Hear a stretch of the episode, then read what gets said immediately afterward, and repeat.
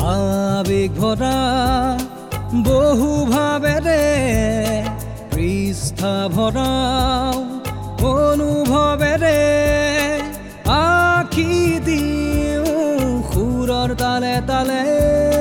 সুৰৰ তালে তালে। অনুভৱ পৃষ্ঠা অনুভৱ পৃষ্ঠা। অনুভৱৰ পৃষ্ঠা। ছিজন টু ব্যস্ততাপূৰ্ণ জীৱনত আপোনাৰ অনুভৱী মনটোক জীপাল কৰাৰ মানসেৰে মই মেঘাই আপোনালৈ বুলি আগবঢ়াওঁ বাস্তৱ জীৱনৰ বিভিন্ন কাহিনী। আহক আজি শুনো এই কাহিনী। মিনি কলিতাৰ লিখনিৰে এটি নতুন কাহিনী পদুম কাহিনীৰ নাম। আজি এই কাহিনী সেইগৰাকী যুৱতীৰ। যিগৰাকীয়ে অশেষ কষ্টৰ জৰিয়তে নিজৰ জীৱনটোক গঢ় দিবলৈ আগবঢ়াই লৈ গৈছে। ঐ জুমি কালি যে সাহিত্যৰ ছাৰে দহটা এটা শব্দত প্ৰকাশ কৰা ঘৰত কৰি আনিব দিছিল কৰিছনে নাই তই? কৰিছোঁ। মই নাই কৰাও। তোৰ বহীটো দে না। চাই চাই লিখোঁ। ছাৰ আহিব এতিয়া। সোনকালে দেচোন। মই জানিছিলোঁৱেই। তই যে খুজিবি? ল। তোৰ দৰে বান্ধৱী এজনী থাকোঁতে মই কিয় কিতাপৰ পাত লুটিয়াই বিচাৰি থাকিব লাগে? হয়নে? আজি ক্লাছ টেনৰ ফাৰ্ষ্ট পিৰিয়ডটো সাহিত্যৰ। ঘৰুৱা কামবোৰ কৰি নানিলে সাহিত্যৰ ছাৰজনে বৰ বেয়াকৈ গালি দিয়ে। প্ৰাৰ্থনাৰ শেষত ফাৰ্ষ্ট পিৰিয়ড আৰম্ভ হোৱাৰ আগে আগে ৰুমিয়ে জুমিৰ পৰা এটা শব্দত প্ৰকাশ কৰা শব্দবোৰ চাই চাই লিখি থাকে। খৰধৰকৈ কবিতা শ্ৰেণীকোঠালৈ সোমাই আহে। উফ ৰক্ষা। ছাৰ অহা নাই শ্ৰেণীকোঠাৰ সকলোবোৰ ছাত্ৰ ছাত্ৰীয়ে তাইৰ ফালে চায় ৰুমিয়েও কবিতাৰ ফালে চাই জুমিক চকুৰে ইংগিত দি ক'লে বন্ধু বান্ধৱীহঁত সদায় সদায় গাত বোকা কাজলৰ দাগ লাগি অহা ছোৱালীজনীক এটা শব্দত প্ৰকাশ কৰিলে কি হ'ব কবিতা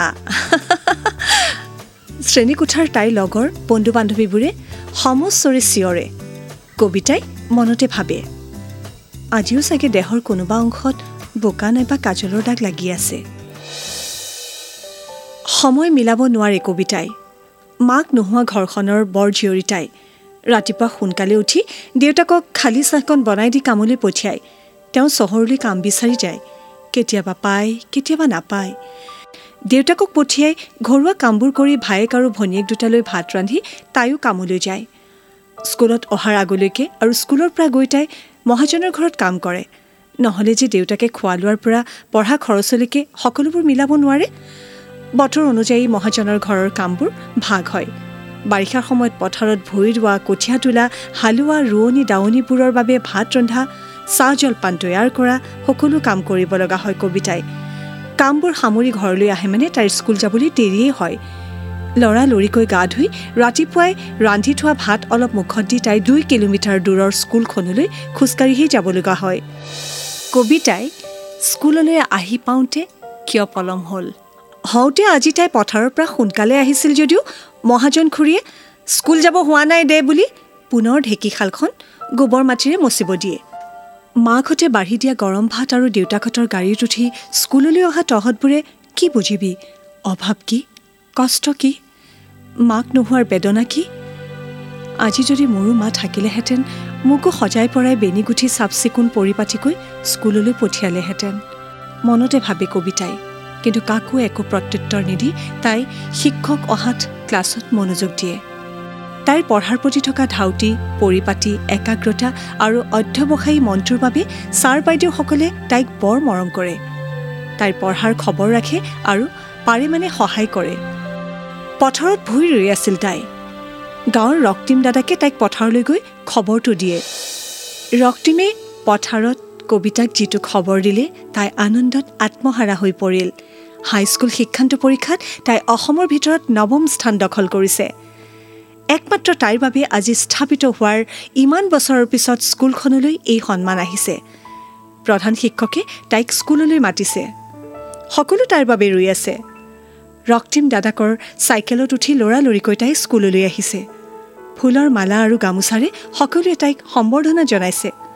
গাঁৱৰ ৰাইজ স্কুলৰ ছাত্ৰ ছাত্ৰী শিক্ষক শিক্ষয়িত্ৰী অভিভাৱক আৰু শুভাকাংক্ষীৰে স্কুলখন ভৰি পৰিছে। মানুহৰ ভিৰৰ পৰাই তাই স্কুলৰ বাৰেণ্ডাত তাইৰ ফালে চাই চকু পানী টুকি থকা দেউতাকক দেখা পালে। চহৰত শুনিছে তেওঁ জীয়ৰীৰ সাফল্যৰ কথা।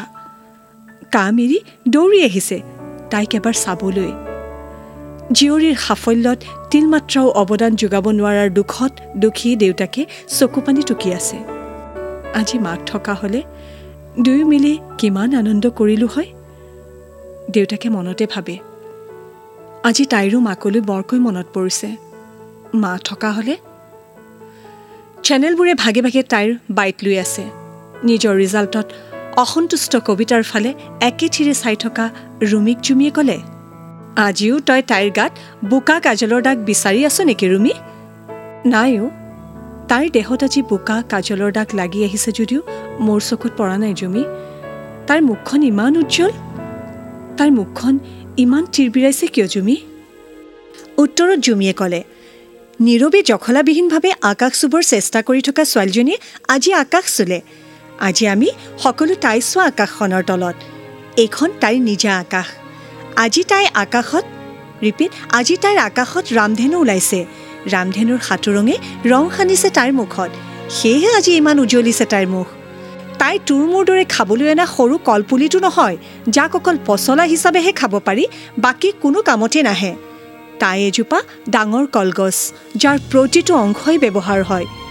তাইৰ প্ৰয়োজন মহাজনৰ পথাৰত নহয় ৰুমি। পৰিয়াল স্কুল ভৱিষ্যত প্ৰজন্ম সমাজত সকলোতে তাইৰ প্ৰয়োজন। আজি কবিতাৰ কৃতিত্ব প্ৰতিটো চেনেলে লাইভ কৰি আছে আৰু কালি বাতৰি কাকতৰ প্ৰথম পৃষ্ঠাত বৰ বৰ হৰফেৰে প্ৰকাশ পাব তাইৰ নাম তাইৰ যশ। বহুত শব্দৰ সমাহেৰেৰে এটা শব্দৰে নহয়। সি আছা? আজিও তাই পথাৰৰ পৰা আহিছে। চেলাউৰীৰ ওপৰত আজিও তাইৰ বোকাৰ দাগ লাগি আছে। কিন্তু কাৰো চকুত পৰা নাই। তোৰ মোৰ আমাৰ সকলোৰে মনৰ পৰাও ডাৱৰবোৰ আঁতৰিছে। সেয়েহে আজি আমি তাইৰ মুখত ৰামধেনু দেখিছোঁ তিৰবিৰণি দেখিছোঁ উজ্জ্বলতা দেখিছোঁ। জুমি সকলোৱে দিয়াৰ দৰে আমিও দিওঁ দে। কি? জিন্দাবাদ কবিতা কবিতা জিন্দাবাদ? দুয়োজনী তাৰপিছত খিলখিলাই হাঁহে আৰু তেতিয়াহে তেওঁলোকে উপলব্ধি কৰে আনক ঠাট্টা মস্কৰা কৰি নিজৰ সময় নষ্ট কৰাতকৈ নিষ্ঠা সততা কষ্ট আৰু অধ্যৱসায়ৰ জৰিয়তে কেনেদৰে কৃতকাৰ্যতা লাভ কৰিব পাৰি নিজৰ কৰ্মত সফলতা লাভ কৰিব পাৰি আৰু সেয়া কৰি দেখুৱালে তেওঁলোকৰে ক্লাছমেট কবিতাই। ইয়াৰ লগে লগে আজি মিনি কলিতাই লিখি পঠিওৱা পদুম নামৰ কাহিনীটোৰ ইমানতে অন্ত পৰিল। এনেদৰে অনুভৱৰ পৃষ্ঠাত প্ৰতি কাহিনী শুনিবলৈ পাব গীতৰ মাজেৰে প্ৰতি সোমবাৰৰ পৰা শুকুৰবাৰলৈ নিশা দহ বজাৰ পৰা বাৰ বজালৈ। আবেগ ভৰা বহু ভাবেৰে পৃষ্ঠা ভৰাও অনুভৱেৰে আখি দিওঁ সুৰৰ তালে তালে। সুৰৰ তালে তালে। অনুভৱ পৃষ্ঠা অনুভৱ